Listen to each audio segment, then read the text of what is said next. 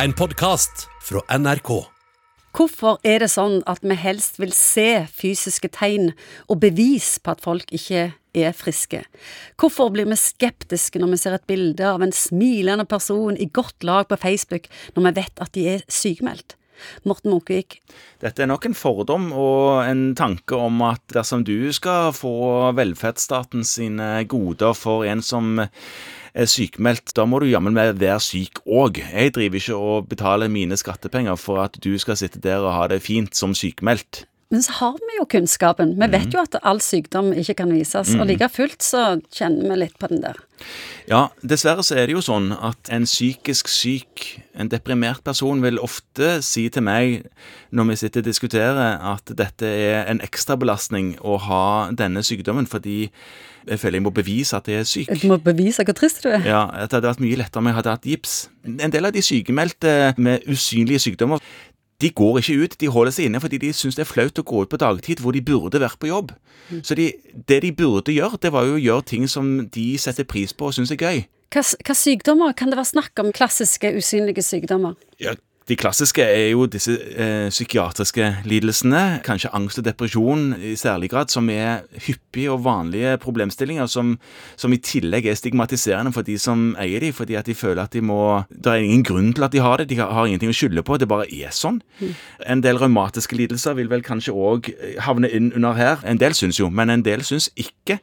Fibromyalgitilstander kan være mye smerter og ha gode dager innimellom som veldig mye kan fungere på, men neste dag kan være helt bundet til sengen og ikke klare noen ting. Så har du migrene og MS. Migrene og MS, ja, enig i det. Hjertelidelser og autoimmune sykdommer. Ja, det er mange, mange, ting her, og det koker jo ned til um, fordommer, dette her. Rådet ditt til den som er usynlig syk, det er å gå ut og gjøre det som gjør deg glad, og, og gjøre det som får deg til å føle deg bedre, og gi beng i hva andre måtte tenke. Hva råd har du til friske? Hvordan vi skal oppføre oss og tenke rundt andre som har usynlige sykdommer. Ja, Det handler om å være empatisk. Og empati handler om å se ting fra et annet ståsted enn sitt eget, og klare å ta et annet perspektiv. Og tenke at ok, dette var jo rart at denne personen eh, ikke er på jobb nå og ser ut som om ingenting er galt.